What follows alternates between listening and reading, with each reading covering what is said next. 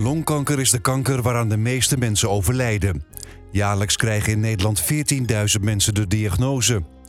Patiënten, wetenschappers en artsen pleiten daarom voor de invoering van een bevolkingsonderzoek naar longkanker, net zoals bij borstkanker en darmkanker gebeurt. Als de ziekte in een vroeg stadium wordt ontdekt, zullen minder mensen aan longkanker sterven, blijkt uit onderzoek.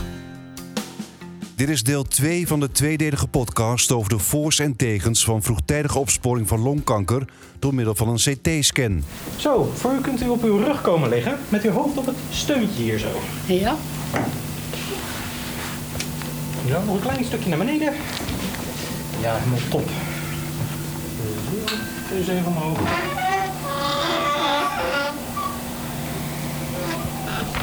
Zo.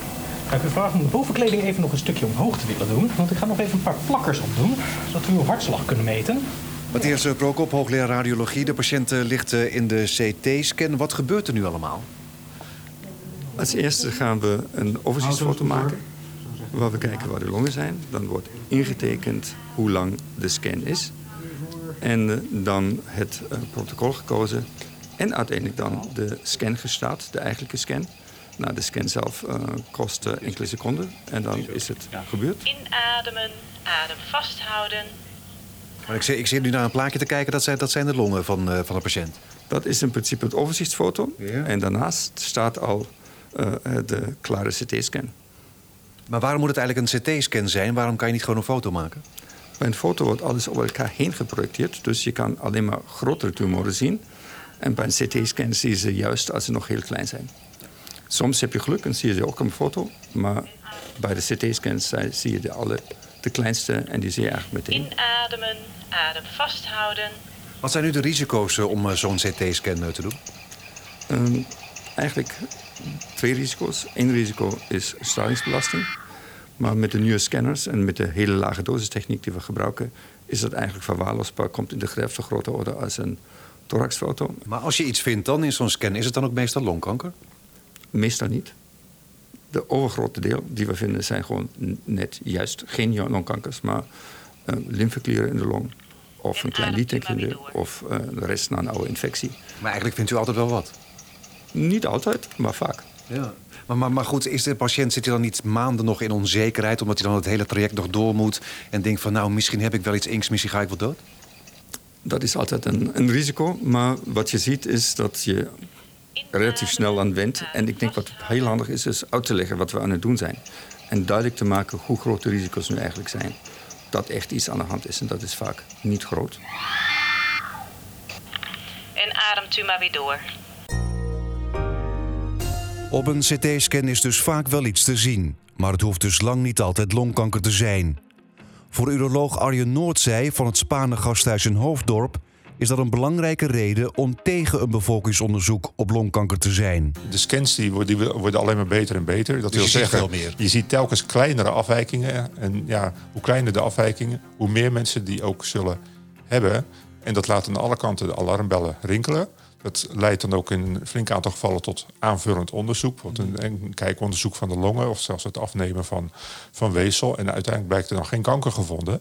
En al die patiënten zitten dan al die tijd in onzekerheid van ik heb iets, ik ga misschien wel dood. Ja, zitten, zitten in spanning. Zijn natuurlijk uiteindelijk wel blij dat ze geen kanker hebben.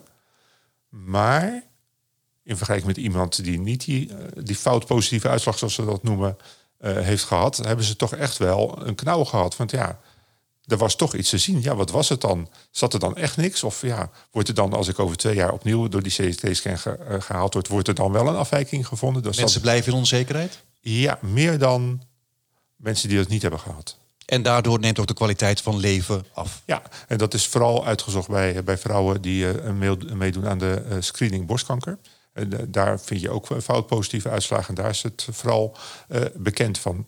Maar je kunt het waarschijnlijk wel één op één vertalen ook naar deze vorm van screening. Omdat die ja, mensen worden gealarmeerd. En misschien bij, bij longkanker nog meer dan bij borstkanker. Omdat longkanker natuurlijk toch bijna altijd gelijk staat aan de, eh, eh, aan, aan- ja, aan, doodstraf. Dus, dus je kunt je voorstellen, maar dat, dat weet je niet helemaal zeker, dat het misschien nog wel sterker is, dat gevoel van, oh jee, fout, daar, is een, daar is een afwijking in de long te zien, dat is mijn doodvonnis. Maar ook aan alles wat dan eh, je kan zien op zo'n scan. Ook niet aan alles hoef je dan ook dood te gaan uiteindelijk natuurlijk. Of je kan er misschien Ja. nog jaren mee leven. Dat, dat zou kunnen, ja. Dat klinkt heel gek, maar zelfs bij longkanker we- weten we dat er soms kleine afwijkingen zijn. Ja, die, die gewoon eigenlijk zich redelijk koest houden de rest van iemands leven. En als je daar wat aan gaat doen, dan ben je wat we noemen aan het overbehandelen. Want je gaat iets behandelen wat iemand geen problemen zou opleveren. Dus eigenlijk zegt u van je kan misschien op je 65 een scan doen. Daar zie je dan iets op. Ja. En dat ga je dan behandelen. Ja. Terwijl als je de scan niet had gedaan, had je misschien ook probleemloos 80 kunnen worden. Dat kan. En het lastige is, dat, dat weet je nooit.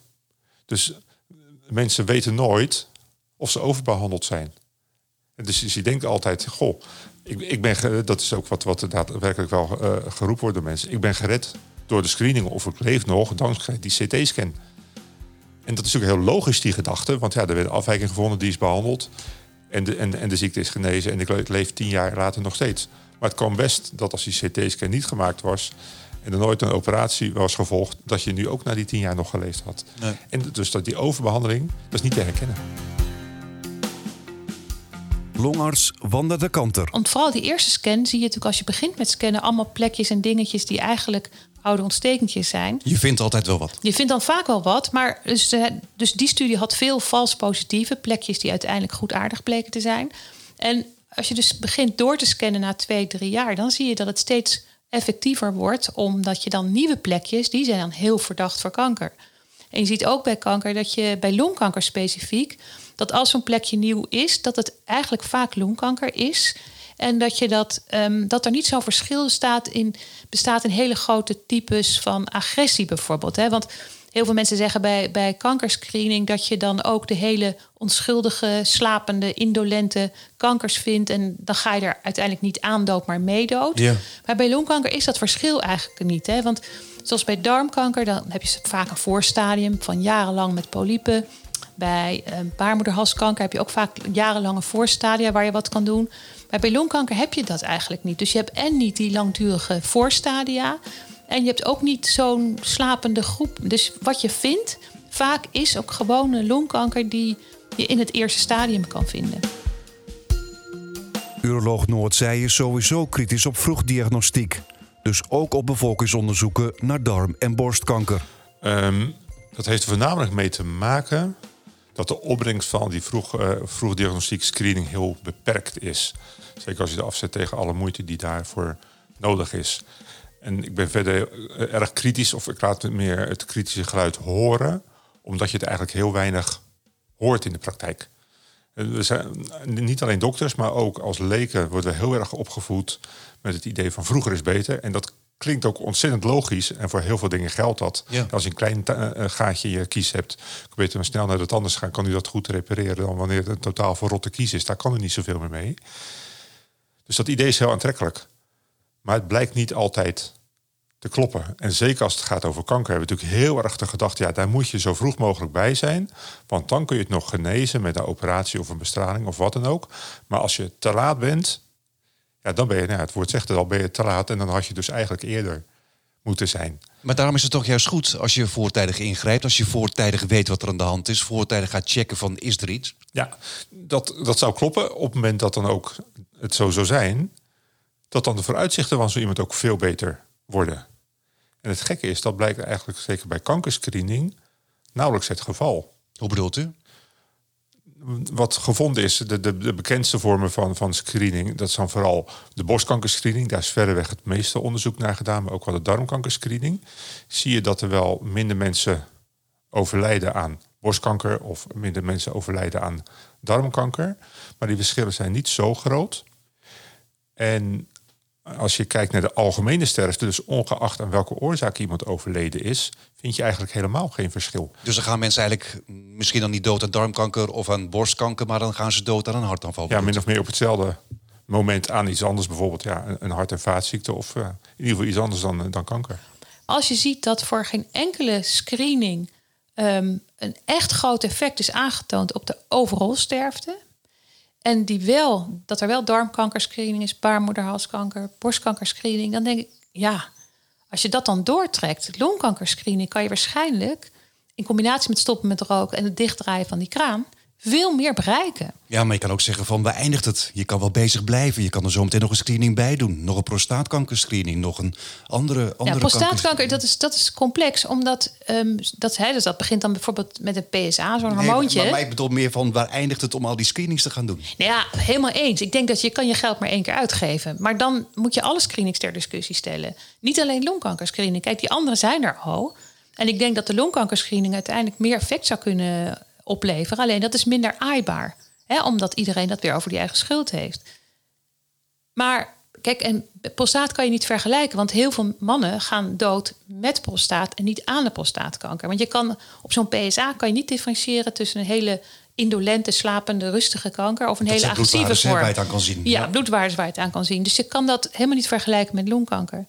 En zo je bij borstkanker natuurlijk ook heel veel ehm, niet-agressieve borstkankers versus de agressieve borstkankers, die je ook bij zelfonderzoek uiteindelijk wel zal vinden. Dus dat is ook.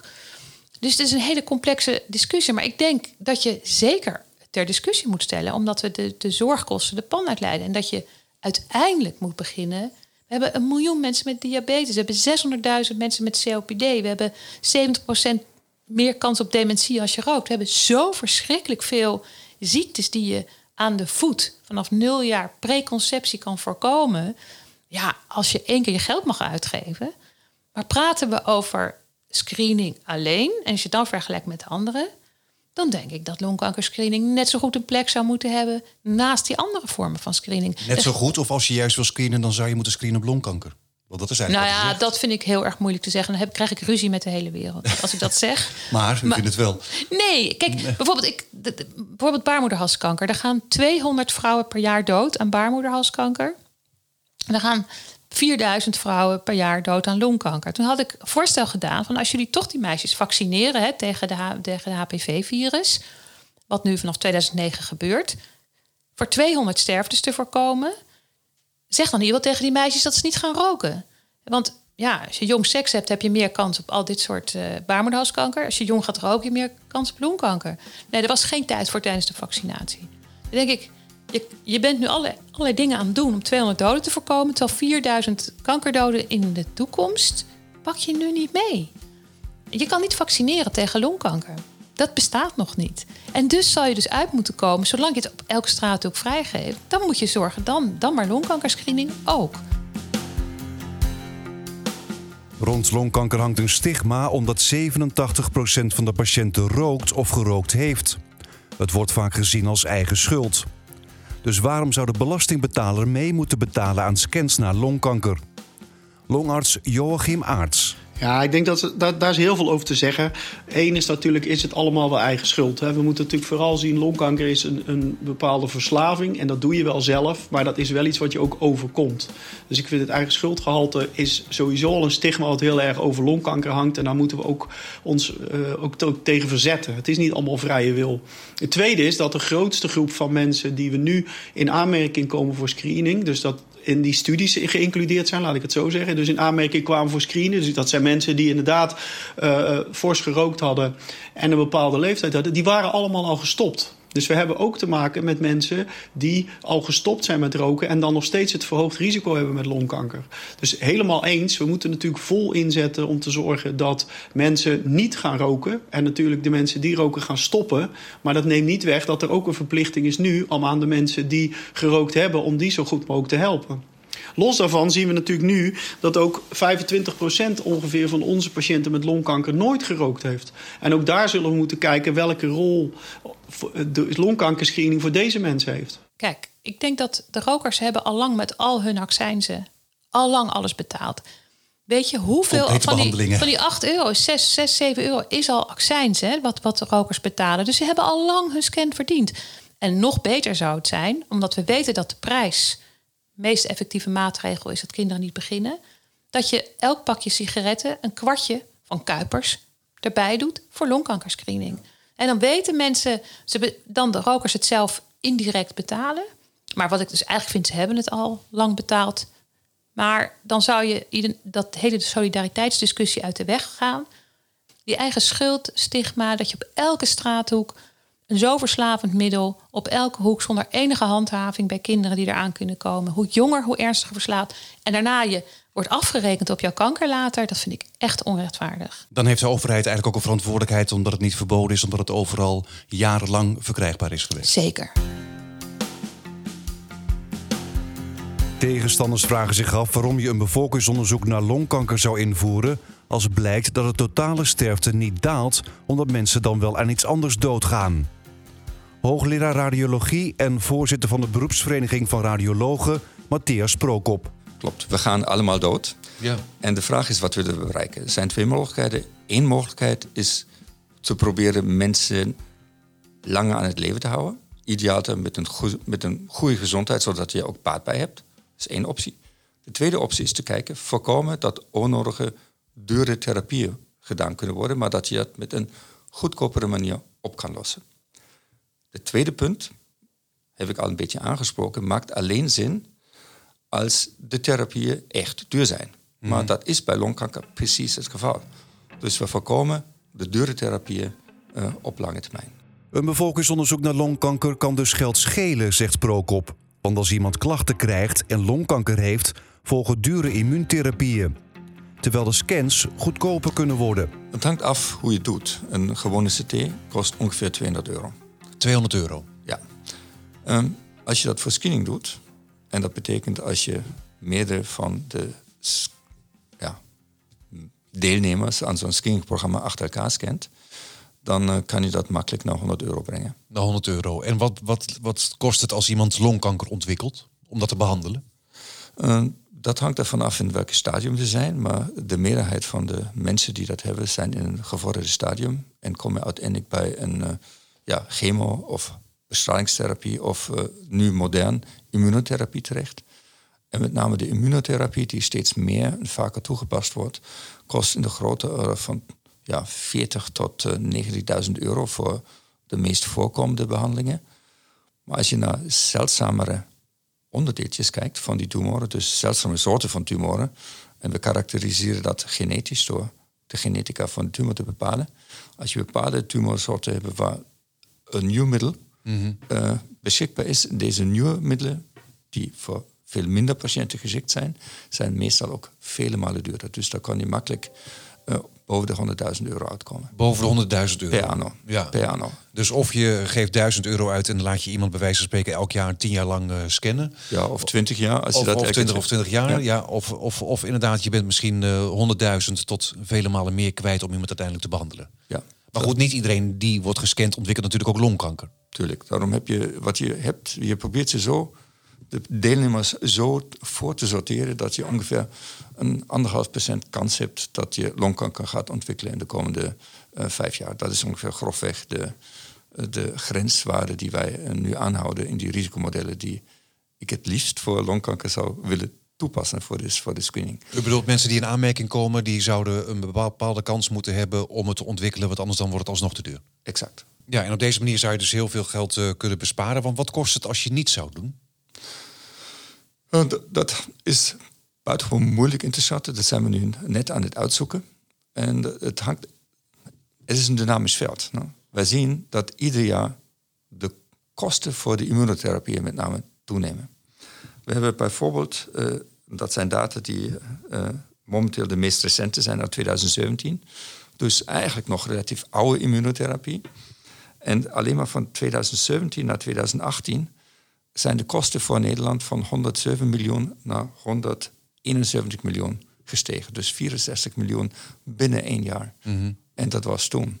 En we kunnen nog veel meer. Dus ik verwacht dat de kosten die wij uh, uiteindelijk momenteel aan het genereren zijn voor longkanker gigantisch hoog worden. En met ieder jaar verder stijgen. Dus ieder jaar die we wachten, wordt het aannemelijker en zinvoller waarschijnlijk om zo'n screeningsprogramma uh, op te starten. Ja, dus het, het levert, uiteindelijk levert het geld op. Ik denk dat dat op een bepaald moment echt gaat gebeuren. En levensjaren. En, en levensjaren sowieso ook als je het goed opzet. Maar je moet het goed opzetten. Uiteindelijk is het aan de politiek of er een bevolkingsonderzoek naar longkanker komt en in welke vorm. Natuurlijk hebben we de minister gevraagd of hij ons voor deze podcast te woord wil staan, maar minister Ernst Kuipers van Volksgezondheid kon geen tijd vrijmaken. Hij verwijst naar een brief van staatssecretaris Blokhuis. die in het vorige kabinet verantwoordelijk was voor screening. De minister ziet op dit moment geen mogelijkheden om screening op longkanker in te voeren en ook wil hij die mogelijkheid niet onderzoeken. Het is volgens het ministerie niet mogelijk om vast te stellen wie precies voor screening in aanmerking zou komen. Hoogleraar Matthias Sprookop zou het liefst iedereen oproepen die anderhalf keer meer kans loopt op longkanker. Ik denk dat we daar echt uh, vragenlijsten rond moeten sturen. Naar iedereen? Naar iedereen. Of andersom, iedereen de mogelijkheid kunnen geven deel te nemen en dan gewoon een vragenlijst in te vullen. De facto hebben we natuurlijk allemaal een mobieltje. Dus als je een QR-code hebt, kan je op zo'n site terechtkomen als je het inricht. Ja. En dan vul je gewoon de dingen in. En dan uh, ga je horen wat, of je al uh, in aanmerking komt of dat je op de veilige kant zit. Ja. En hoeveel mensen zouden dan uiteindelijk opgeroepen worden, denkt u? Als wij oude criteria gebruiken, dus criteria die bijvoorbeeld voor de Nelson-studie gebruikt werden, dan zijn het in de grootorde van 800.000 uh, patiënten in Nederland. Dus dat zijn substantiële aantallen. Ja. Dus in eerste instantie 800.000 en een aantal van hen zou dan misschien elk jaar terug moeten komen. Een aantal van hen misschien ja, elke we, twee jaar. We verwachten ongeveer 70% dat die elke twee jaar kunnen.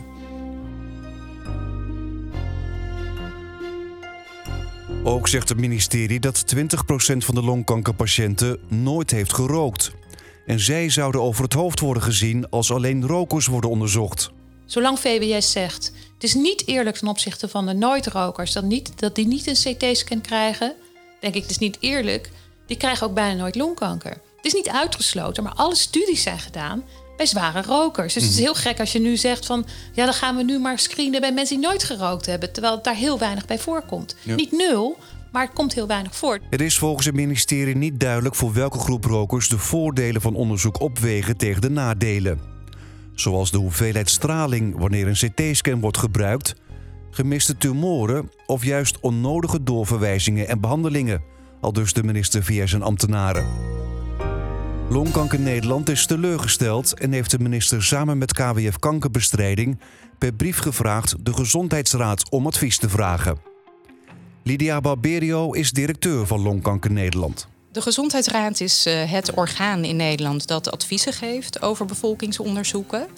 En in dit geval puur op basis van een aantal in onze ogen zeer beperkte argumenten wordt aangegeven dat een bevolkingsonderzoek naar longkanker niet zou kunnen.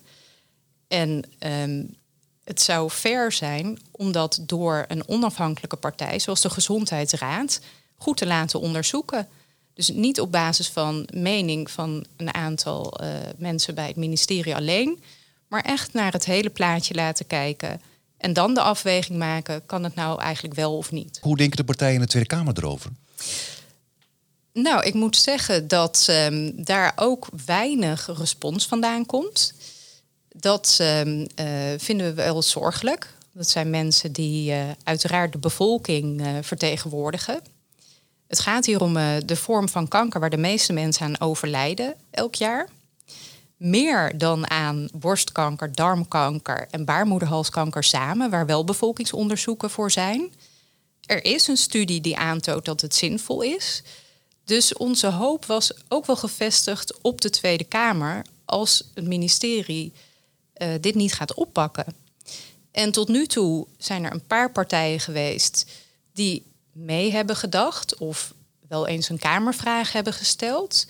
Maar er is tot nu toe niemand die hard uh, met de vuist op tafel heeft geslagen en zegt: Kom op, um, zorg dat er een advies van de Gezondheidsraad komt. Dit betreft gewoon een, een ziekte waar je op tijd bij kunt zijn. Dus dat is wel uh, ja, heel teleurstellend. En hadden we eigenlijk van tevoren ook niet, uh, niet verwacht. We hebben ook een aantal politieke partijen gesproken uh, voor deze podcast. En veel partijen, veel grote partijen, die zeggen ook van ja, we hebben eigenlijk ons, we hebben nog helemaal geen mening hierover. Uh, dat, dat kan. Ik kan me voorstellen dat zij uh, ontzettend veel verzoeken krijgen om ergens voor op te komen. Wij hebben wel heel veel informatie gestuurd. Er staat ook informatie op onze website. Um, ook uh, KWF heeft informatie beschikbaar. Dus wij zijn zeer bereid om die informatie, mocht dat onduidelijk zijn, uh, aan te vullen, met partijen in gesprek te gaan. Dat is alleen maar heel goed om een gedegen mening te vormen. Maar op het moment dat je informatie krijgt, laat dan weten als je zegt: God, dat uh, is niet voldoende of we willen er nog iets over weten. Maar die reactie krijgen we niet terug. Met, met de huidige gegevens zou ik zeggen: nee, daar moet je nu niet aan gaan beginnen. En met als belangrijkste argument dat die overal sterfte, dus de, de algemene sterfte, eigenlijk niet beïnvloed wordt door die screening. Ja, ik ben daarvoor. Alleen in combinatie met die stoppen met roken gesprekken. En dat er echte maatregelen worden genomen om nu eindelijk dat roken uit te bannen bij kinderen. Want preventie is nog altijd beter natuurlijk, hè? Ja, want, want het, is, het is echt ingewikkeld om mensen... dat zie je ook bij al die leefstijlinterventies... dat heel veel mensen terugvallen, dat het gewoon niet werkt. En wat werkt zijn publieke maatregelen, overheidsmaatregelen. Dus de prijs van een pakje sigaretten gewoon ontzettend duur maken... En, er zijn nu plannen voor in 2040. Ja, dat is heel mooi. Ja. En, maar wat ons voorstel is om de rookvrije generatie in een wet vast te leggen. Dus kinderen geboren na 2016, die kunnen nooit meer sigaretten kopen. Dat het meegaat met hun leeftijd. Ja, elk jaar een jaar omhoog. En dan krijg je dus, dan ben je tijdelijk longkankerscreening aan het doen. Dan help je de mensen ook tegen het stigma in om niet te overlijden aan longkanker. Dan help je hun stop met roken, dat ze niet gaan overlijden aan een hartaanval. En dan voorkom je dat hun kinderen niet gaan roken. Dan heb je de ideale combinatie. Dus de longkankerscreening zou alleen iets tijdelijks zijn. En dat is natuurlijk, dat vind, ik kan me ook voorstellen dat je dat helemaal gaat opzetten. Ga je dat dan doen? Ja, ik denk dat toch de techniek is er. Het kan. En alleen je moet het dan het model volgen dat je naar de, gericht naar mensen toe gaat die daar waar je de meeste risico's loopt. De risicogroep inderdaad. Ja. Het had mij meteen geholpen uiteraard, want ik had als ik in 2016 die thoraxfoto had gehad en ik had in 2018 uh, eh, weer een, uh, een, een, een foto CQ-scan uh, gehad, dan was dat in 2018 gewoon ontdekt. He, want, want als je kijkt naar 2016, 2020, hoe die long eruit ziet, dan had dat in 2018 was dat gewoon zichtbaar geweest. En dan had ik gewoon operabel geweest. En dan hadden ze een long weg kunnen halen of een deel van de long. Uh, en met long kun je ook prima nog uh, de marathon lopen, heb ik begrepen. Uh, en dan was ik, dan was ik gewoon weer, weer had ik weer ja, levensverwachting gehad, zeg maar. En dat heb ik nu niet. En dat is, dat is frustratie. Hè? Dat is dat je om dat, dat uiteindelijk is de grootste frustratie bij mij dat, dat dit de reden is uh, we kunnen de doelgroep niet goed bepalen, dat dat de reden is waarom ik niet in aanmerking ben gekomen voor een bevolkingsonderzoek. En waarom ik dus de diagnose heb gekregen, uh, John, uh, jij bent zo ernstig ziek, wij kunnen je niet meer beter maken. En jij hebt nog een prognose van pak een beet vijf jaar maximaal. En dan, dan is het gebeurd. En dat, dat is, dat is, dat is, ja, dat is, vind ik bizar. Dat, we, dat, dat wij in deze rijke wereld waarin wij leven, uh, dat, wij dat, uh, dat wij dan dat soort redenen gaan aanvoeren om dat niet te doen. Ja. Je hebt het je ten doel gesteld. Gaat het je nog lukken, denk je? Nou ja, kijk, uh, als ik, uh, als ik uh, bij die laatste 2, 3 procent kom, zeg maar, van die overlevingstermijn van vijf jaar, jaar ja. hè, dan heb ik dus nu nog nou, een dikke 2,5, bijna drie jaar te gaan. En uh, ja, ik, ik, hoop het. Ik, uh, ik heb er best vertrouwen in dat dat kan. We, hebben, we zijn ook bezig de, politiek flink te benaderen. Natuurlijk via mijn gemeenteraad. Uh, heb je net al gezegd, heb ik een motie ingediend... die inmiddels ook door heel Nederland gaat. die de minister oproept. minister, ga gewoon een bevolkingsonderzoek voor longkanker instellen. dus, dus ja, ik doe er alles aan joh, om dat voor elkaar te boksen. En, uh, en uh, ja, het zou, uh, ja, dat is ook weer zo'n raar opmerking Het zou de kerst op de taart zijn van mijn crematie. Als dan dat bevolkingsonderzoek voor mij pas de eerste Nederlander door de scan gaat. Nou, hoe mooi kan het zijn? Hè? ja.